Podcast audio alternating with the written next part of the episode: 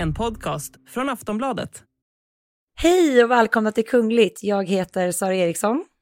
Och jag heter Jenny Alexandersson. Idag så djupdyker vi i Harry och Meghans omtalade Netflix-serie som hade premiär idag torsdag. Vi berättar allt om skandalerna och attackerna mot den brittiska kungafamiljen. Men vi kommer även ge er en rejäl dos med Nobelglamour, för på lördag så är det ju dags för festernas fest. Ja, äntligen efter två år utan Nobelfesten.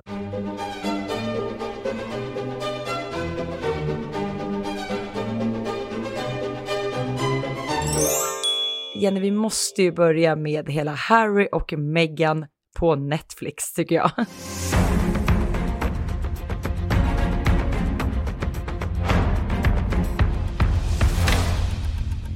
Ja, men många förväntade sig hård kritik mot kungahuset, kanske till och med en stor bomb som placeras inne på Buckingham Palace med den här tv-serien. För det var ju så de här båda trailarna var uppbyggda, de här två reklamfilmerna som Netflix körde ut. Ja, bara en vecka innan serien startade. Ja, alltså det här kom ju väldigt tajt in på. Jag menar, vi satt ju och pratade förra veckan om att det fanns en eventuell lansering i december och sen smattrade ju de här trailerna ut och sen så kort in på så kommer alltså premiären idag torsdag 8 december. Då är den live. Mm. Men eh, vi säger så här, för er som inte har tittat på serien, Kanske vill ni göra det först innan ni lyssnar på podden. Jag bara säger att det kommer lite spoiler alert. Precis. När vi sagt det. Då kan man spola fram eh, till när vi pratar om Nobel bara om man inte vill höra om Harry och Meghan-dokumentären. ja, mm. men så här. De stora attackerna mot kungafamiljen, de uteblir. Och istället så är det Meghans pappa och halvsyster som kritiseras oerhört mycket i de här tre första avsnitten som är på en timme var. Mm, precis, eh, och det är ju då Thomas Markle, Megans pappa, som han har ju faktiskt figurerat i världspressen ända sedan paret förlovade sig. Och han blev ju bland annat ertappad då med att eh, tillsammans med fotografer ha då iscensatt en fotografering och de här bilderna såldes ju för väldigt dyra pengar till en brittisk tidning. Ja, men det stämmer ju. Och eh, det var också väldigt signifikant tycker jag att i det här avsnittet då så berättar ju Meghan att eh, hon ringde upp sin pappa och hon frågade om det var sant just det här med fotograferingar, om han hade varit med på det hela, om han, var, om han hade sålt dem sen då dyrt till eh, någon tidning. Och då ljög Thomas Markle och sa nej. Och det här vet vi faktiskt stämmer, för det har Thomas Markle själv sagt i sin podd. Han har mm. berättat exakt samma sak. Och, och hon blir ju väldigt, alltså Megan blir ju väldigt ställd för att hon har väl på något sätt också förstått att han faktiskt har gjort det här. Så hon säger det att men det här kändes skumt, inte logiskt. Och så säger hon till Harry att eh, nej men jag vet inte, jag tror inte jag tror på honom. Mm. Hon hade det på känn redan då i de här samtalen med sin pappa. Mm. Och gällande då Thomas Markle och liksom hennes relation till sin pappa så tycker jag att det blir väldigt tydligt i den här dokumentären hur, hur Meghan vill ju verkligen ge sin version av att hon faktiskt har försökt kontakta honom för att både Thomas Markle själv och även brittisk press har ju verkligen gett en bild av att, att Meghan aldrig hörde av sig till honom efter det här och att hon inte försökte kontakta honom när han lades in på sjukhus precis vid bröllopet. Så att här visar man till till och med upp så här sms-konversationer dem emellan, vad hon har skickat till honom just för att ja, men stärka den här tron på Megans ord. Mm, ja men verkligen. Och sen flikar ju Harry in någonting väldigt viktigt där och det är ju att han känner skuldkänslor för att Meghan och hennes pappa har så dålig eh, relation. För att han, han säger det att eh, han tycker att det är jättetråkigt.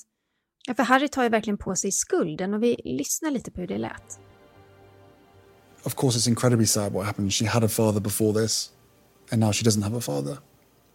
And I, sh- I shouldered that because if Meg wasn't with me, then her dad would still be her dad.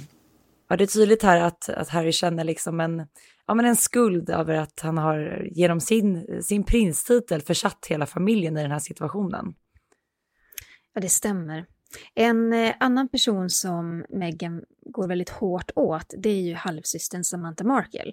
Hon är ju 58 år gammal, så hon är en bra bit äldre än Meghan. Och eh, det är ju så att hon har blivit stämd för förtal ett flertal gånger, för hon har ju också figurerat i pressen regelbundet, varit väldigt, väldigt hård mot både Harry och Meghan. Och sen har ju hon faktiskt också stämt Meghan i sin tur för förtal. Så det där är ju en riktig, riktig härva mellan eh, halvsystrarna. Ja, det har varit en riktig eh, pajkastning och eh, Samantha har ju figurerat regelbundet i brittisk press för att då prata om sin halvsyster och eh, hon har ju hela tiden påstått att hon och Meghan stått varandra väldigt nära, men att allt förändrades då när Meghan träffade Harry. Men Meghan dementerar ju kraftigt det här att, att hon och Samantha skulle ha stått varandra nära. För hon säger bland annat att hon växte upp som ensambarn och endast träffade sin syster för ja, men över tio år sedan och att det ska ha varit vid ett enda tillfälle. Hon säger också då att eh, när vi sågs för tio år sedan, det var inte ett tillfälle då vi bråkade, utan att allting var väldigt lugnt mellan dem. Och att eh, hon minns under sin barndom att Samantha ja, men aldrig hälsade på när, hon var, när mm. Megan var hemma hos sin pappa. Och så säger hon ju det här också att eh, man verkligen trycker till henne lite grann så här. Jag kan inte ditt mellannamn, jag vet inte när du fyller år. Du berättar för alla att du uppfostrar mig och du kallar mig för Princess Pushy. Ja. Så att hon är väldigt hård där och jag tror verkligen att det handlar om de här rättsprocesserna som hon är inblandad i också. Att eh, hon vill inte att Samantha Markle ska fortsätta med de här påståendena hela tiden. Nej, för där har ju Samantha gått ut, för när, när Harry och Meghan gjorde intervjun hos Opera så sa ju då Meghan att hon växte upp som ett ens, som ensambarn. Och det är ju det då som systern hävdar att det inte stämmer, utan att de har växt upp tillsammans. Och det är väl ja, det hela den här tvisten handlar om. Och det här är verkligen, verkligen två sidor av saken. Mm. De, de verkar så säkra på sina, sina liksom synvinklar båda två. Ja men verkligen. Och man skulle säga att i den här dokumentären så, så här, det spelas ju upp så mycket privata bilder som vi aldrig har sett tidigare. Så under tiden mm. Megan berättar om sin uppväxt ihop med sin pappa så får man ju se verkligen, man får ju en inblick i vad hon vill förmedla för bild av den hela tiden. Ja men verkligen. Vi måste också prata om attacken mot prins William och Catherine. Den är ganska implicit, den är inte, eh, det är ingen bomb som exploderar. Men det är ändå så här att Netflix visar bilder som gör att man på något sätt ska förstå att det finns en spricka mellan bröderna. Och bilderna kommer då från ett offentligt event där William och Kate sitter på scenen tillsammans med Harry och Meghan. Och det här är ganska tidigt efter giftermålet och de här fyra är här för att, eller där då för att prata om eh, den kungliga stiftelse som de eh, bildade tillsammans för att jobba med välgörenhet. Ja, och när Meghan får ordet så nämner ju hon då kampanjen metoo och pratar om kvinnors rättigheter. Och eh, vänner till henne blir sedan intervjuade i den här dokumentären och menar att det var liksom väldigt tabu för henne att ta upp ett sånt här ämne inför publik. Och vi kan väl lyssna på hur det lät. Women don't need to find a voice. They have a voice. They need to feel empowered to use it and people need to be encouraged to listen. And I think right now in the climate that we're seeing with so many campaigns, I mean, with Me Too, there is no better time than to really continue to shine a light on women feeling empowered and people really helping to support them. Och sällskapet får ju frågan då på scenen om de aldrig är oense med varandra. All the work you do together is great, but working together as family, do you ever have disagreements about things? oh yes. healthy, healthy disagreements. Okay, the last thing you disagreed on, how do you resolve it? Uh, I can't remember. They come so thick and fast. but, it's, but it's, is it resolved? We don't know. Oh, we don't know. Well, you're putting on a great show if it's... Och eh, då skrattar ju prins William här och säger att, att det är de visste. Och eh, prins Harry skrattar lite nervöst och frågar om problemet är löst. Och William så här, slår ut lite frågande med händerna. Att det vet vi inte. Så att redan där vill man ju så visa en bild på att de inte kommit helt och hållet överens. Mm, ja men verkligen. Och, och Meghan hon, hon säger ju också i tv-serien att jo det är klart att hon visste att det fanns ett visst protokoll för hur man gör saker och ting i kungafamiljen. Och så säger hon att ja, hon behövde lära sig mycket, men att hon verkligen gjorde allt för att passa in. Och sen är det lite, det är lite fint för att hon delar även med sig då av ett minne, det första mötet som hon hade med William och Kate. Och det här tror jag var innan förlovning och eh, bröllop. Jag tror det var ganska tidigt i hennes och Harrys relation. Ja, men det jag tolkar också så, som att det var liksom ganska långt där innan. Ja, och då var de hemma hos eh, Harry vid Kensington Palace om jag förstår det rätt. Och Kate hon hade på sig lite trasiga jeans och så gick hon barfota inomhus. Och det föll tydligen inte i god jord. Nej, och hon säger också det att hon gav både prins William och Kate en varsin kram. Och eh, hon säger att jag förstod väldigt snabbt att eh, den här eh, offentliga formaliteten blödde in i det privata. Att det liksom fanns en sida som man alltid ska visa upp offentligt. Och sen när man stänger dörren och i hennes värld då tänker att ja, men nu skönt, nu kan vi slappna av, så släppte inte den här formaliteten utan att den liksom hela tiden blödde över på båda sidorna. Och att det var någonting som förvånade Meghan väldigt mycket.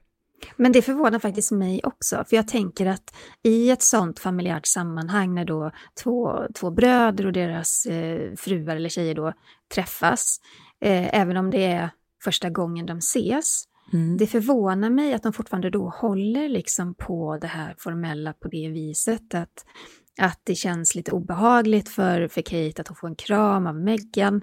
Samtidigt, för jag vet att du sa det, Sara, när vi pratade om det här innan, eh, att, att det kanske inte handlar om, att det kanske mer handlar om den här britt den brittiska sidan möter den amerikanska, eller vad sa du? du sa ja, men att det, det, kan ju också, det kan ju också vara så att inte det handlar om en kunglig värld och ett kungligt beteende, utan mer att det, det kanske faktiskt är en kulturkrock på så vis att Meghan kanske är det här lite mer amerikanska framåt. Hon säger själv att hon är väldigt kärleksfull och vill kramas och liksom vara nära dem hon träffar.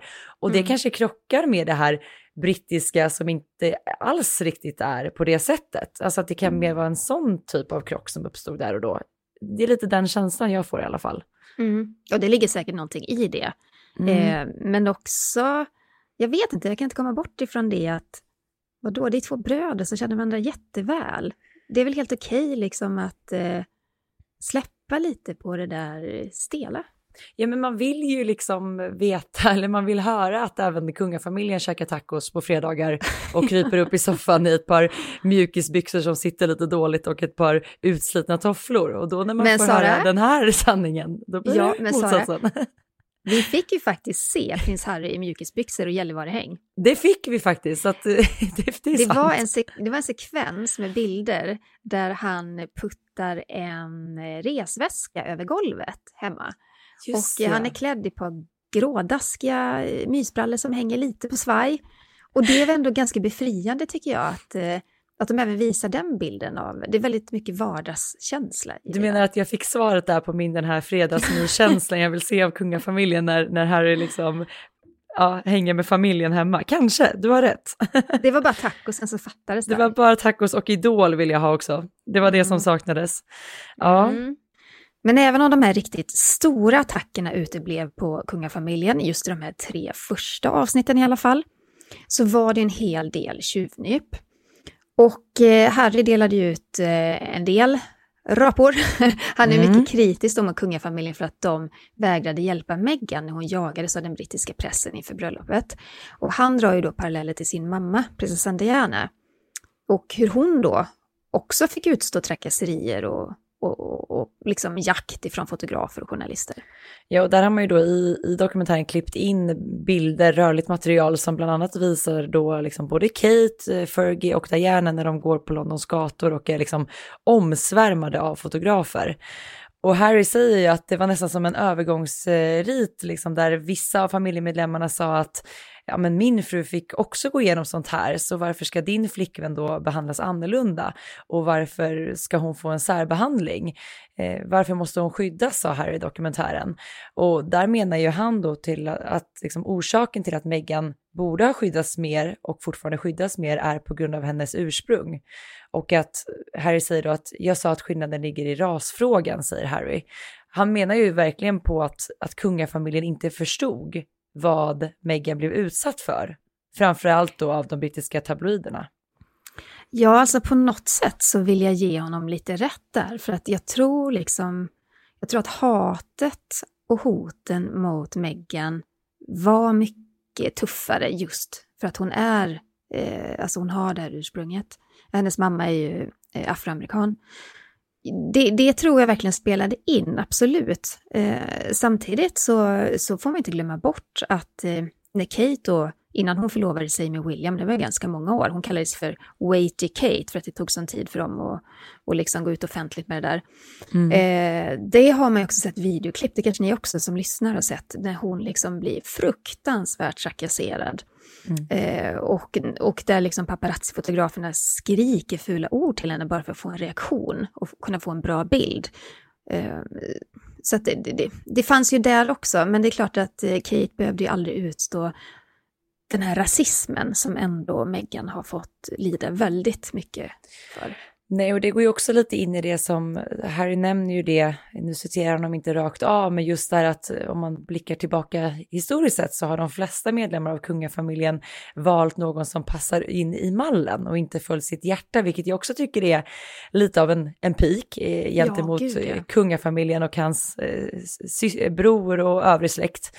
Men just att han, han menar ju på det att dels de rasistiska påhoppen mot Meghan, men också att hon inte var den här typiska tjejen som gifter sig med en kunglighet. Hon hade sin skådespelarkarriär, hon var liksom redan ett namn och att det stack väldigt mycket i ögonen och gjorde liksom att det här drevet mot Meghan blev allt större. Att han, han, han förklarade verkligen som att det berodde på det. Mm. Det är också spännande tycker jag, nu har vi gått igenom de största attackerna. Mm. Eh, men det är också väldigt spännande hur hela den här serien börjar, för att man får ju veta då att eh, Harry och Meghan, de bestämde sig nämligen för att börja videodokumentera sin, sitt uttåg ifrån kungafamiljen. Och från och med den första dagen 2020 då, när de har tagit beslutet, så, så börjar de filma med sina mobilkameror.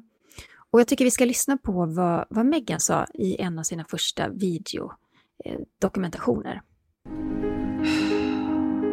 just really want to get to the other side of all of this.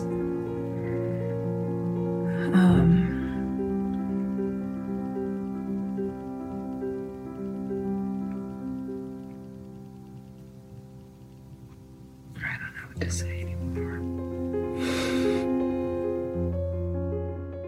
här ser man ju ett klipp på Meghan när hon filmar sig själv. När hon, det är då precis när de har lämnat eh, kungahuset i januari 2020. Eh, de eh, reste ju då ganska så snabbt till Kanada där de befann sig under en tid. Så det här är filmat där och Meghan berättar ju att hon och Harry befinner sig på olika platser. Det var ju fortfarande då när, när Harry var kvar i Storbritannien för att försöka landa i något, någon form av beslut eller, eller överenskommelse i och med att paret publicerade ju bara det här inlägget på Instagram och sen behövde man ju reda ut det här inom kunga, kungafamiljen. Mm. Men ganska tidigt då också i första avsnittet så får ju de eh, frågan då varför de gör den här dokumentären. Ja, och hela tiden så återkommer de ju till att så här, det är, Harry säger att det är min plikt och säger att medier utnyttjar kungahuset och att ingen sätter ner foten. Han pratar mycket om det här osynliga kontraktet, kontraktet är liksom, man tycker att kungligheterna utstår allt för mycket och att det är ingen som säger ifrån. Och han säger hela tiden att vi vet sanningen, kungahuset vet sanningen och vi vill berätta den. Mm. Och sen eh, återkommer han ju också till det här med kärleken, att eh, alla de här uppoffringarna som de då har gjort för, för kärleken, och det tycker jag också vi lyssnar på. You know, she sacrificed everything that she ever knew, the freedom that she had, to join me in my world. And then pretty soon after that, I ended up sacrificing everything that I know to join her in her world. Och det här är ganska talande tycker jag, just att eh, han säger då att Meghan offrade allt hon kände till och den frihet hon hade för att följa mig i min värld. Och snabbt fick jag offra allt jag kände för att följa henne i hennes värld. Mm ja, de har ju verkligen fått liksom dragit varandra i det där, alltså i hela den här resan som de har gjort sedan de, sedan de träffades. Men vi måste ju också prata om, om hur ofta de, de nämner ju Diana väldigt ofta i de här tre avsnitten och man ser mycket, många rörliga bilder och klipp eh, ifrån Dianas liv. Jag tycker att det är, jag vet inte om du håller med mig Jenny, men jag tycker att man, man blir verkligen påmind om hur traumatiserad Harry är och liksom hur han har hur han har sett mamma då Diana må i kungafamiljen och han säger hela tiden att så här, historien upprepar sig gång på gång och att han själv kände att jag måste skydda min familj ifrån allt det här. Men jag tror att Harry har väntat eh, länge på det här, att kunna trycka till medierna ordentligt. Och mycket av kritiken är ju faktiskt berättigad. Mm. Eh, men, men samtidigt så är det ju så här att eh, prinsens känsla för medierna, den är ju färgad av hans barndomstrauma. Det gör ju någonting med en som människa att, att få se på nära håll hur ens mamma jagas av pressen. Och det är klart att det skapar ärr i själen hos Harry. Mm. Och just det här att han vill inte se historien upprepa sig, han är ju jätterädd. Och, och han, han gör ju också den här lik, alltså likställer då Meghan och Diana gång på gång. Eh, och det säger han i den här serien också, att, eh, att de är väldigt lika som människor och, och, så vidare. Och att det här var orsaken till att Harry och Meghan var tvungna att lämna kungahuset.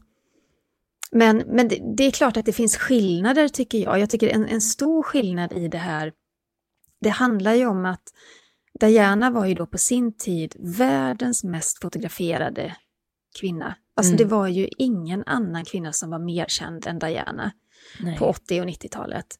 Och det är ju inte Meghan.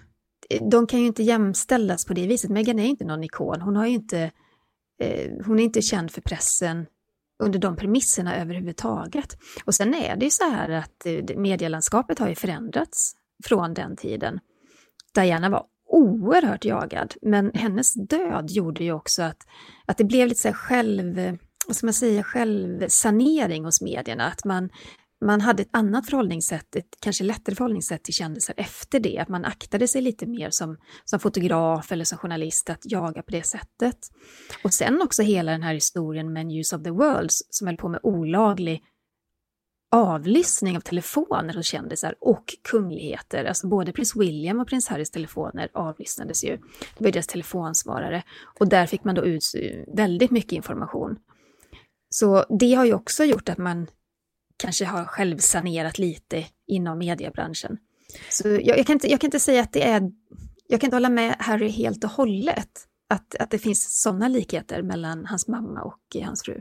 Nej, inte i det sättet som, som de har blivit jagade av media på, även om, om Meghan också har blivit eh, fotograferad och hon berättar ju liksom hur ofta det har suttit fotografer utanför hennes hem och hon nämner ju det så här, var går gränsen mellan att vara bevakad av media och liksom jämförelse då med att ha en stalker, säger hon, i och med att hon känner sig så omringad hela tiden. Men jag håller med dig Jenny, och det är ju viktigt att komma ihåg hur faktiskt medielandskapet förändrades efter Dianas död.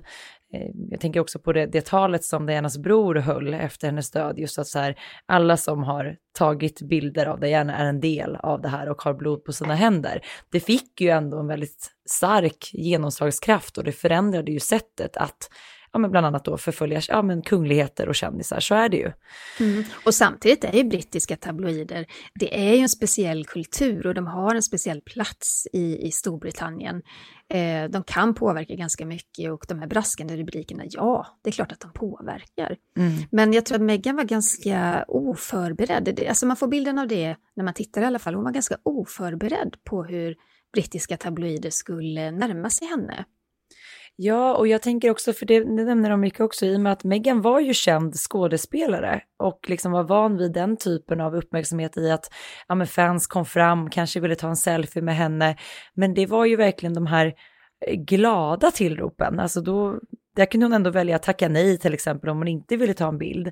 Så Mm. man får känslan av att hon, hon kanske trodde att hon var mer förberedd på den mediala uppmärksamheten än vad hon faktiskt var, för den, den liksom skedde på två helt olika sätt. Det är, en, det är en helt annan typ av bevakning när det kommer till eh, brittiska tabloider och, och kungahuset jämfört med att vara skådis i USA. Det är liksom två skilda världar. Ja, det går inte att jämföra och det, det märkte man ju också, Meghan berättade det i, i serien, att eh, när hon då besökte London eh, och vid ett tillfälle då upptäckte att det var ett stort, det var en stor grupp med fotografer som väntade på henne ute på gatan. Och eh, då gjorde hon som hon brukar göra i, i eh, USA och i Kanada. Att hon ler mot fotograferna och så frågar hon, ja, håll er varma. Alltså en snabb, snabb lite så här trevlig kommentar.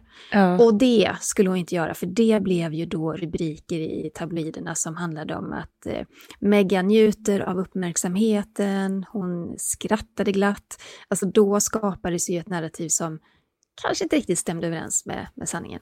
Nej, och där så berättar hon ju också att Harry, som hon kallar för H genom hela dokumentären, ska vi också säga.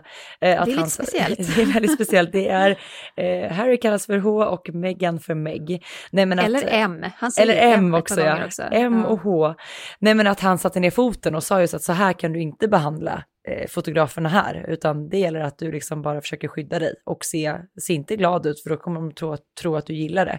Mm. Eh, en annan detalj som jag tyckte var intressant, det var ju att Harry nämner ju eh, Dianas panoramaintervju med Martin Bashir och han säger då att att han är medveten om och att även om inte den skedde under rätt förutsättningar så berättade hon sanningen om det hon hade upplevt.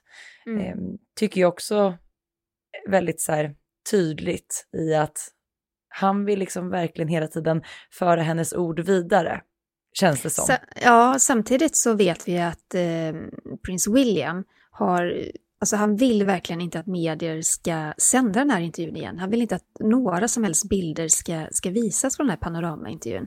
Och då är det lite signifikant att hans lillebror då, ja, tar såklart upp det, visar bilder. eh, ja, Ja men det är jätte, jätteintressant. För att för innan Netflix säsong 5 nu hade premiär så var ju det en vädjan ifrån prins William att man inte skulle återskapa den här intervjun och visa den. Och mm. man har ju heller inte sett den. Den får ju inte visas på tv längre. Och nu visas den i, alltså man, man ser Diana prata i den här dokumentären. Det är lite speciellt. Mm, verkligen. Men vad händer nu? Alltså, vi kan konstatera att det inte varit några jättestora, inga atombomber som har slängts in på Buckingham Palace. Men man kan också konstatera att i de här tre första avsnitten så är det fokus på Meghan och hennes familj. Även på deras kärlekshistoria, Harry och Meghan, eh, och kriget mot medierna. Men eh, i slutet på eh, avsnitt nummer tre så får man en liten försmak av vad som kommer nästa vecka. Och då inser man också att nästa vecka handlar det om Harrys familj.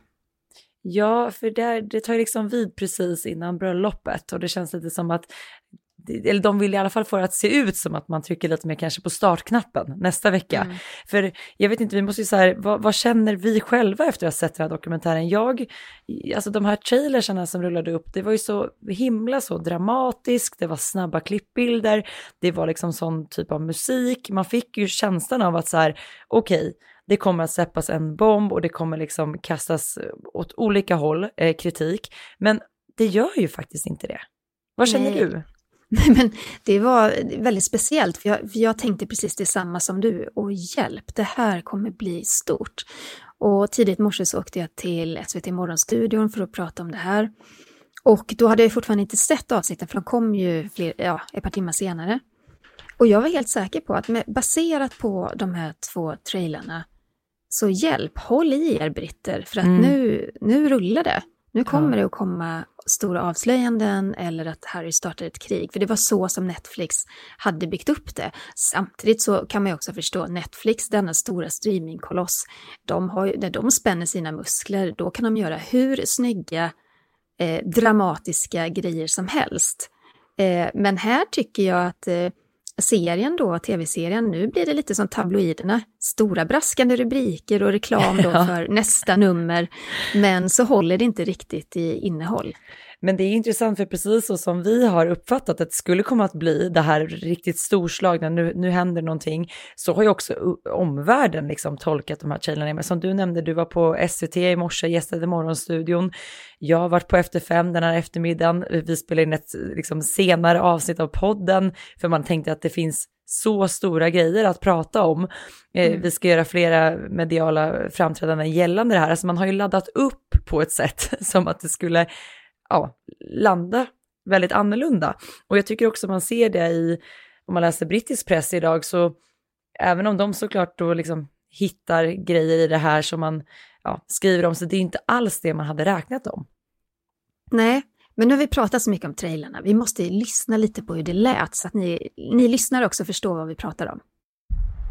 It's really hard to look back on it now and go, what on earth happened? You hear that? That is the sound of hearts breaking all around the world. She's becoming a royal rock star. And then everything changed. There's a hierarchy of the family. You know, there's leaking, but there's also planting of stories. There was a war against Meghan to suit other people's agendas. It's about hatred, it's about race. It's a dirty game. Pain and suffering of women marrying into this institution, this feeding frenzy. I realized they're never going to protect you. I was terrified.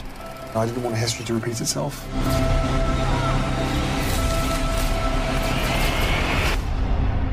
No one knows the full truth.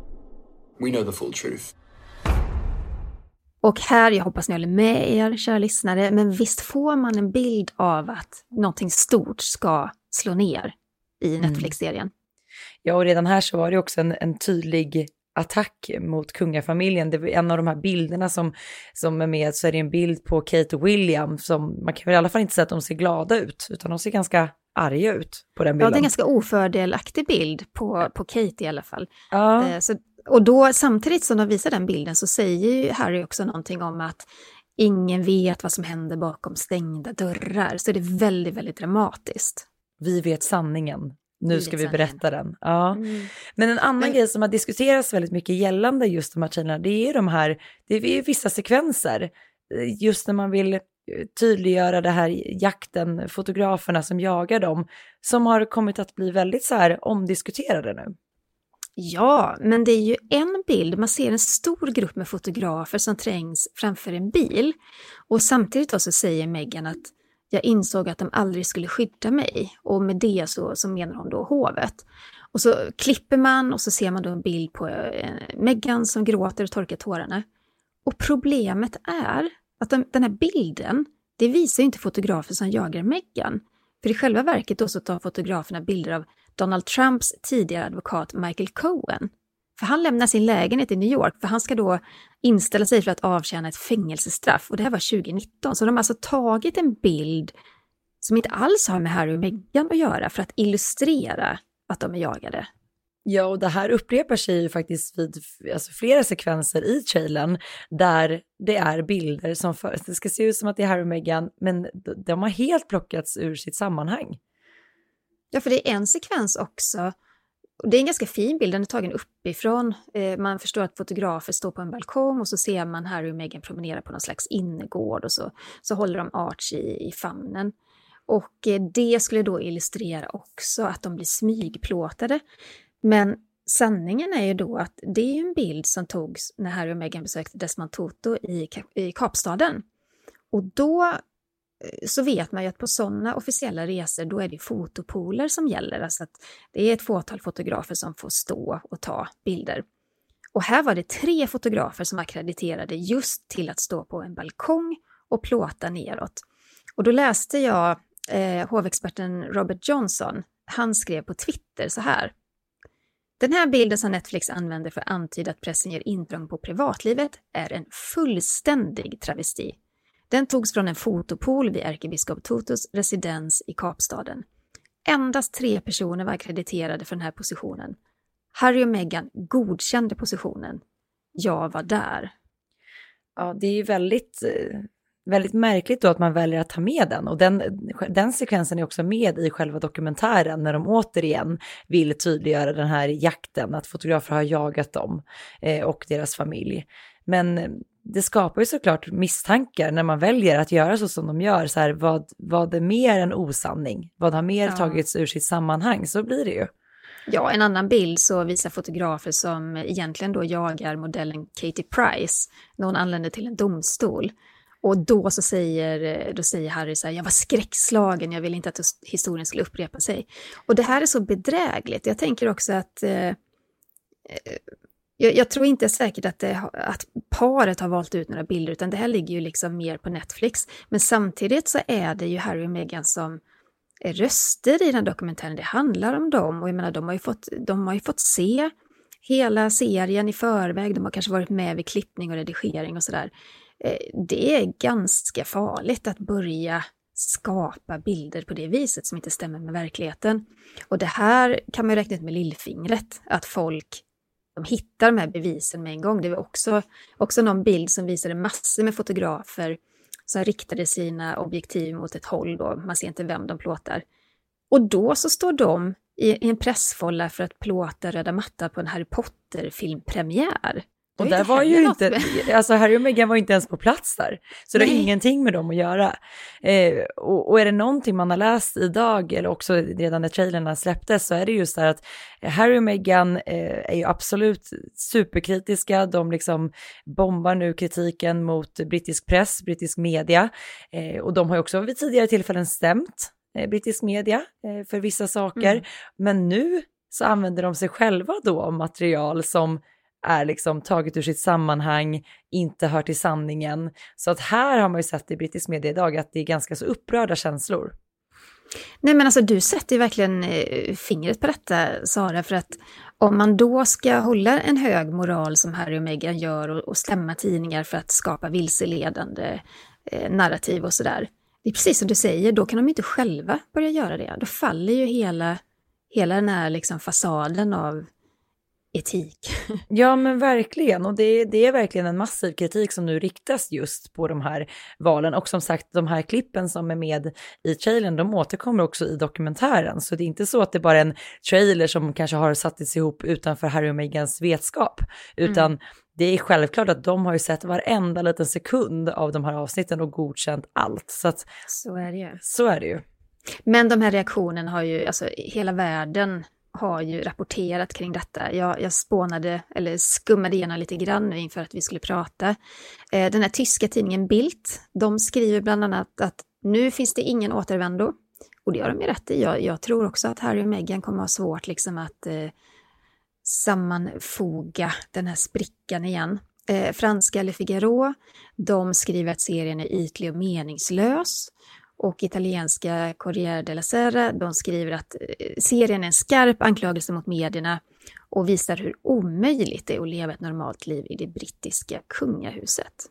Mm. Men vet du vad som slog mig lite när, när jag började titta på serien, alltså första avsnittet kanske in ungefär, Mm. då tänkte jag så här, är det här, är det här ett försök för Harry och Meghan att komma tillbaka? Jag slogs ändå av tanken lite snabbt i att så här, är det här ett sätt för dem att förklara sig, liksom varför vi lämnade kungahuset, ni måste förstå oss. Men sen så ganska så snabbt så inser man ju att det finns ju ingen väg tillbaka. Det är jag helt övertygad om. Ja, och det paret är ute efter det är bara att eh, ge sin bild av olika händelser och stories och sådär. Mm. Men jag måste ta upp det här med Piers Morgan. Han är bra på att veva mot Harry och Meghan, det kan man ju säga. Ja, han var ju från, från början god vän med Meghan. Han var en av de första journalister som hon lärde känna i London. Det här var långt innan förlovningen som de hade kontakt. Men eh, när hon då förlovade sig och sen gifte sig med Harry så ville hon inte ha någonting med honom att göra och det har väl suttit lite som en tagg i honom. Eh, men han är ju då, eh, han var ju programledare i Good Morning Britain i många år eh, lämnade det jobbet också efter en kontrovers eh, som handlade om Meghan. Men hur som helst, han vevar, Sara. Mm. Eh, han tar i ordentligt och eh, han eh, säger bland annat att tittarna till den här serien, de behöver en kräkhink och servetter och en hög tröskel för tristess. Oj. Och eh, det var något av det snällaste han sa. Mm. Eh, han menar då att paret utmålar sig för att vara världens största offer och så säger han så här. Det är ett par otroligt rika, oerhört privilegierade, fruktansvärt berättigade narcissister. Om du inte tror mig, fråga dem själva. Och så anklagar han ju Harry och Meghan då för att tjäna grova pengar på sin kungliga status och rasar över att de hela tiden då anspelar på prinsessan Diana. Men Sara, nu ska du få höra. Alltså, jag hade Mm. Kommer det kollegor som- mer? Ja, nej, men alltså jag, jag hade kollegor som kom fram till mig nu i eftermiddag så bara, ah, har du sett vad, vad Piers Morgan säger? Och då gick jag, gick jag in och läste och han har ju skrivit en lång krönika då kring den här serien. Men han säger så här. Jag antar att den största anledningen till att Harry ser så permanent olycklig ut, samtidigt som han insisterar på att han aldrig varit lyckligare, det är för att han i sitt hjärta är medveten om att han blir manipulerad av en erfaren familjeförstörare till att överge de människor och det land han en gång älskade. Det var ord och inga visor ifrån Piers Morgan. Han brukar ta i från tårna. Det gjorde han verkligen här också. Ja. Men jag menar, det har ju också varit mycket positiva kommentarer. Det ska man inte glömma bort. Det är ju många som verkligen stöttar Harry och Meghan och många som gillar den här serien också. Men, men så är det ju, och det säger vi så många gånger här i podden också, att så är det med allting som gäller, här, gäller Harry och Meghan. Att det finns alltid ett team Harry och Meghan som tycker att allting som paret tar för sig är bra och tycker att de, just att de valde att lämna brittiska kungahuset är bra, att de belyser allt det här är bra. Och så finns det ju liksom den andra sidan som tycker bara att, att Harry och Meghan ja, man har gjort bort sig från första början hur, i hur de valde att lämna kungahuset och alla de här efterspelen och, och inte minst att de väljer att göra en dokumentär med Netflix för att man får heller inte glömma, det är Netflix som har skapat, som gör och som driver The Crown. Det är liksom Netflix som står bakom hela den serien som är ett drama om prins Harrys egna familj. Ja, men du sa ju någonting spännande till mig innan, Sara. För ja. Harry medverkar ju inte, Harry syns ju aldrig i The Crown. Nej, om det är så nu att du som lyssnar inte har sett The Crown säsong 5 och inte vill höra några spoilers så stäng av eller pausa.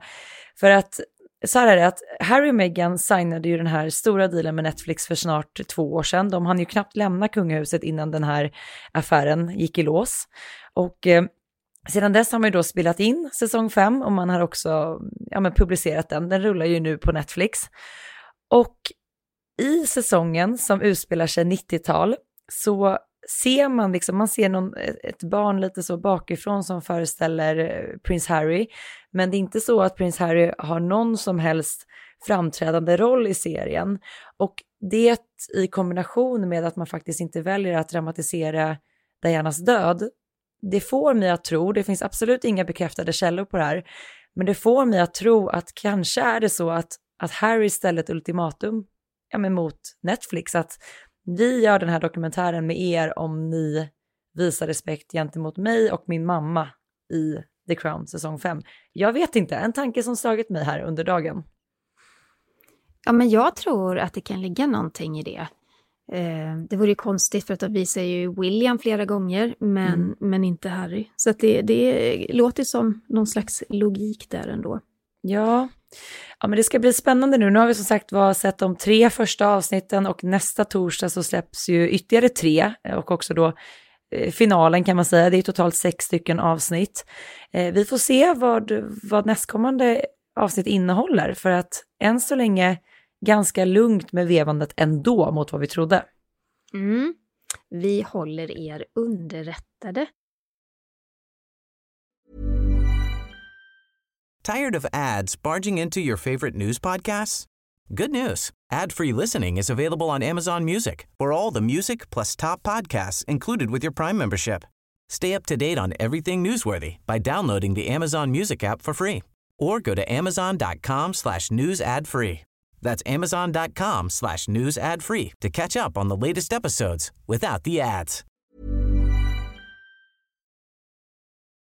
Sara, det är dags att prata om Nobel och Nobelbanketten. För i år så får vi faktiskt njuta av glitter och glamour, Nobelpristagare, härliga tal, underbara blomster.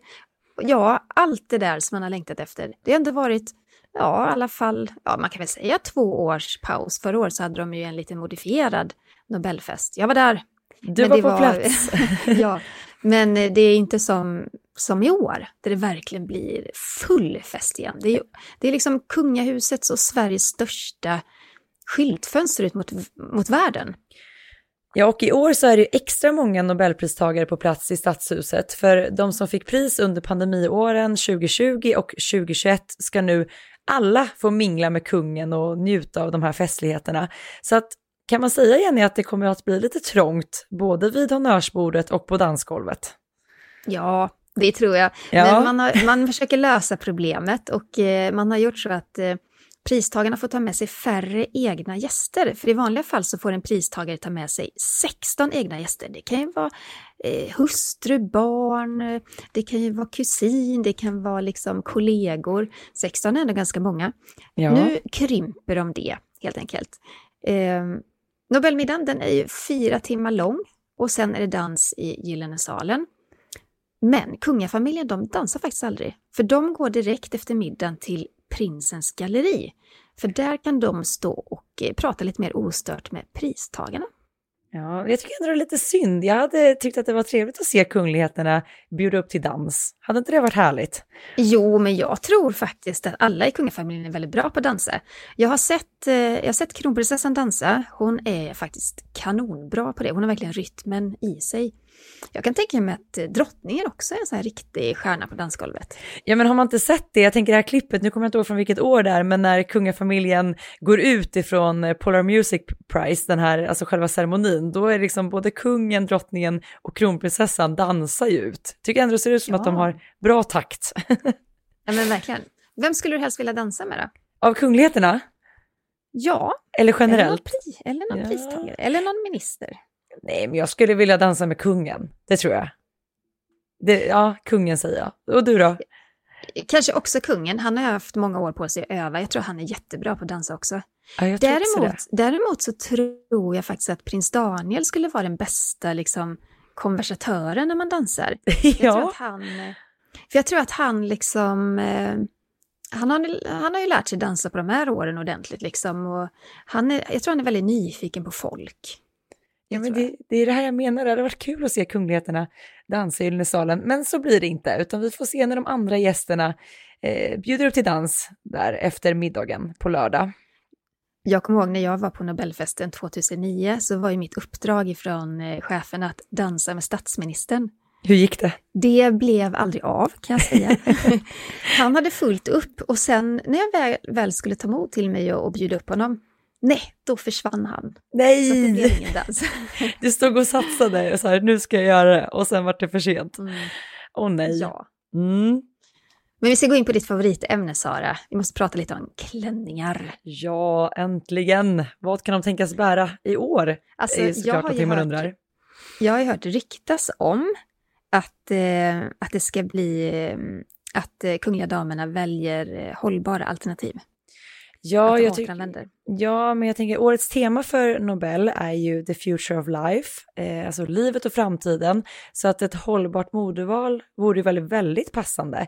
Det vore ju kul ifall att kronprinsessan och de andra kungligheterna gjorde ett sånt här, ja men riktigt återanvändningsstatement. Ja, jag tänker som kronprinsessan gjorde 2018 när hon bar då, ja men drottning Silvias den här eh, Nina Ricci-klänningen som drottningen själv bar vid Nobel 95. Visst var, det, visst var den med ett, eh, en axelbar och någon liten trudelutt på axeln och så en jättestor kjol? Rosa ja, och en grå. väldigt stor så här, rosett i, eh, i ryggen är det ju. Och den går ju Ah. i rosa, gråa och gröna toner. Så det, vore, det finns ju, tänk vad många vackra Nobelklänningar som burits under alla dessa år. Det finns ju skatter att använda. Jag tyckte att det var får- väldigt om kul. Du får, eh, om du får ange en enda favorit på någon av kungliga damerna. Det, din största favorit. Får jag välja två? Ja, okej, två. Du får Ja. välja två. Ja. Då väljer jag kronprinsessan Victorias klänning från 2011, den här Per Engsheden-klänningen i blå paljett. Kanske inte egentligen för att klänningen var särskilt så här wowig, den är jättefin, men just för att man har ett sånt starkt minne kopplat till den och det är för kronprinsessan var ju gravid med prinsessan Estelle då. Och vid prisutdelningen så såg man hur prinsessan Estelle sparkade. Så att kronprinsessan började ju skratta och man såg hur de här paljetterna liksom skimrade. Alltså det rörde sig och liksom, det nådde ända hem till tv-tittarna. Så det tyckte jag var en fin klänning. Eh, och sen måste jag ju säga prinsessa Madeleine, den klänningen hon bar 2014. Den var ju liksom, det var massa pärlor och kristaller på den. Vilken Eh, färg? Ja men den var lite så här lila rosa. Och det sägs ju att den här klänningen vägde hela 15 kilo.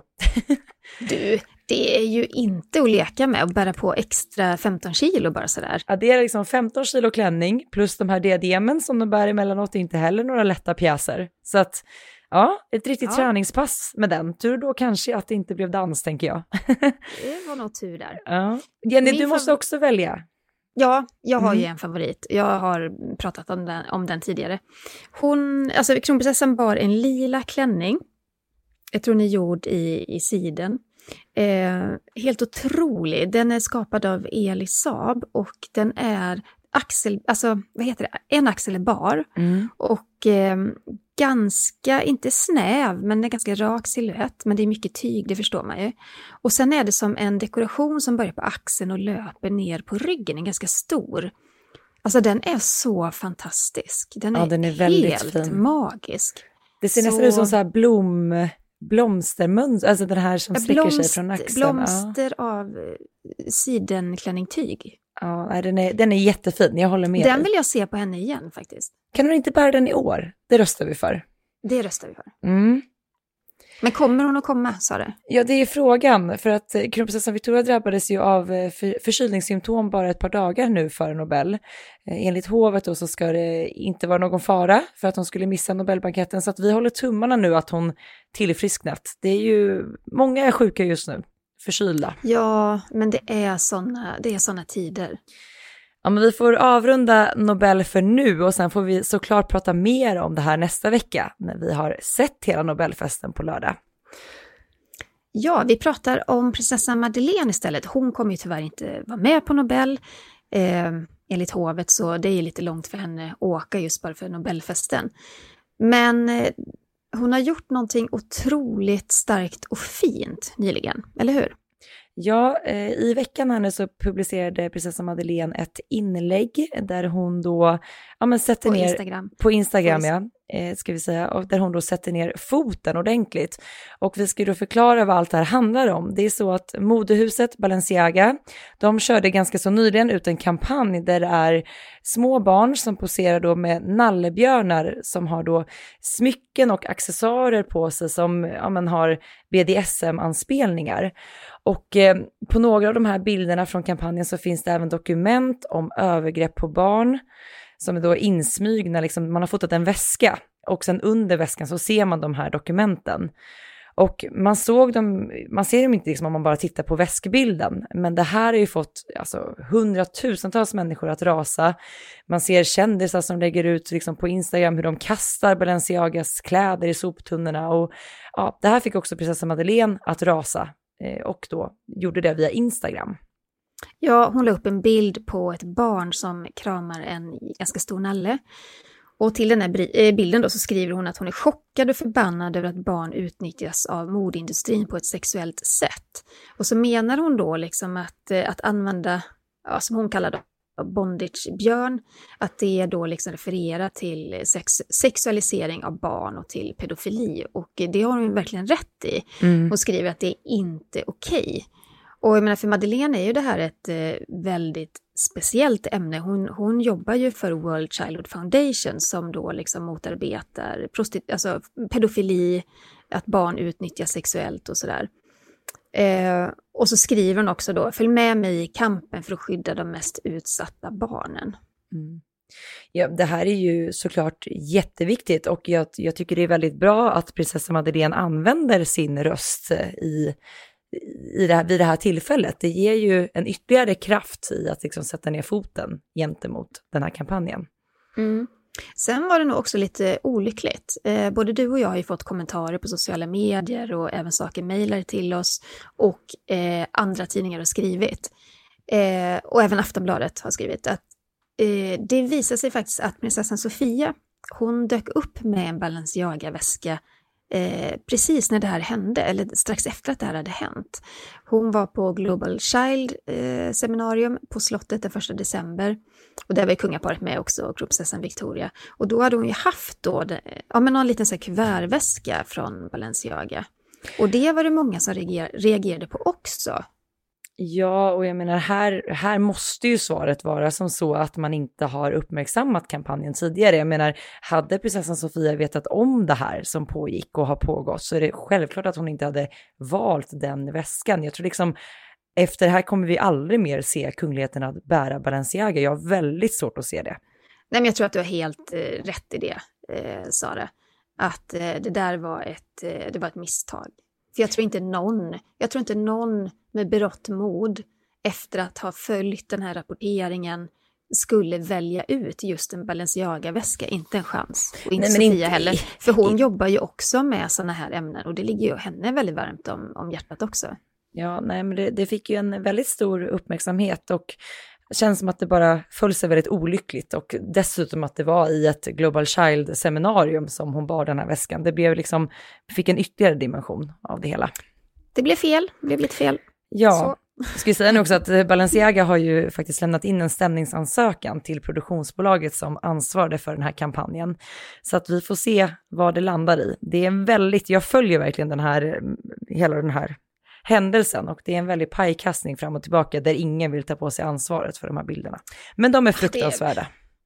Vi ska avsluta veckans avsnitt med att svara på en lyssnarfråga och vi blir så glada när ni skickar in lyssnarfrågor till oss så att fortsätt gärna att göra det till kungligt aftonbladet.se och eh, vi har fått en fråga ifrån Martin här som skriver Jag såg att Aftonbladet och många andra tidningar skrev om att en tysk prins blivit gripen i samband med den planerade statskuppen i Tyskland. Vem är han? Ja, ni har säkert inte missat att eh, en grupp människor i Tyskland eh, planerade för ja, en statskupp, ett terrorattentat eller liknande. Eh, en av de här personerna som man grep det var den tyska prins Heinrich den 13 av Reuss. Han är tydligen då 71 år gammal, han är av en gammal adlig familj. De har ju anor ända från medeltiden. Och det här försthuset eh, Reuss, det var en gång i tiden jag kan uttala det fel, det är mycket möjligt. Ni som kan tyska, ni får, ni får skriva och rätta mig i så, fall. ja. Men försthuset Reuss, det var en gång i tiden eh, mycket mäktigt, så styrde över en del av Tyskland. Men släktingar till honom har i somras redan beskrivit honom som en förvirrad äldre man som har konspirationsteorier. För den här, eh, den här prinsen, Heinrich, han eh, Alltså han har då varit förknippad med så här högerextrema kretsar ganska länge. Och då är det så att hans anhängare då i de här kretsarna, de ser honom som en framtida ledare av ett nytt högerextremt Tyskland.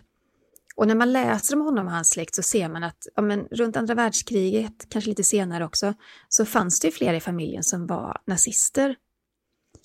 Så eh, han är inte heller någon prins som förekommer i internationella kungliga sammanhang. Det är han inte. Nej. Men det är klart att det, det väcker liksom uppmärksamhet att ja, en, en tysk prins, adelsman, eh, är en del av detta. Och när jag läste lite om den här släkten så det är något som stick, sticker ut. För det är nämligen så här att alla då i den här ätten Reuss, de, sönerna där döps till Heinrich allihopa. Och så alla? Alla? Ja, så får de en siffra.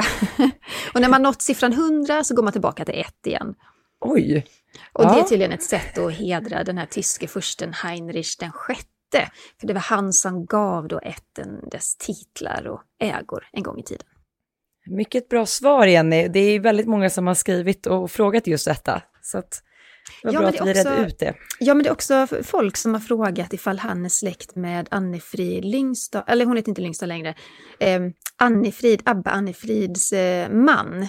Han Just är tyvärr det. död, men han, hette ju, han var också prins Royce. Eh, det är klart att det handlar om samma ett, men jag tror inte att de var så nära släktingar, helt enkelt. Nu tycker jag att vi eh, ser fram emot den här Nobelfesten som väntar och så tycker jag att vi ja, får fira lite extra, kanske dricka lite bubbel i helgen eller vad säger du Jenny? Absolut. och äntligen få se när alla pristagare hyllas och såklart den här, ja men alla frasiga klänningar, glittrande diadem, för nu var det länge sedan. Ja, men det ska vi njuta av. Ja. Tack snälla för att ni har lyssnat. Eh, vill ni följa oss på Instagram där vi uppdaterar i stort sett dagligen så hittar man dig Sara var? Royalistan.se och var hittar man dig Jenny? Främst på Instagram, där heter jag Kungligt med Jenny. Tack snälla för att ni har lyssnat. Tack, vi hörs Hejdå. nästa vecka. Hej då!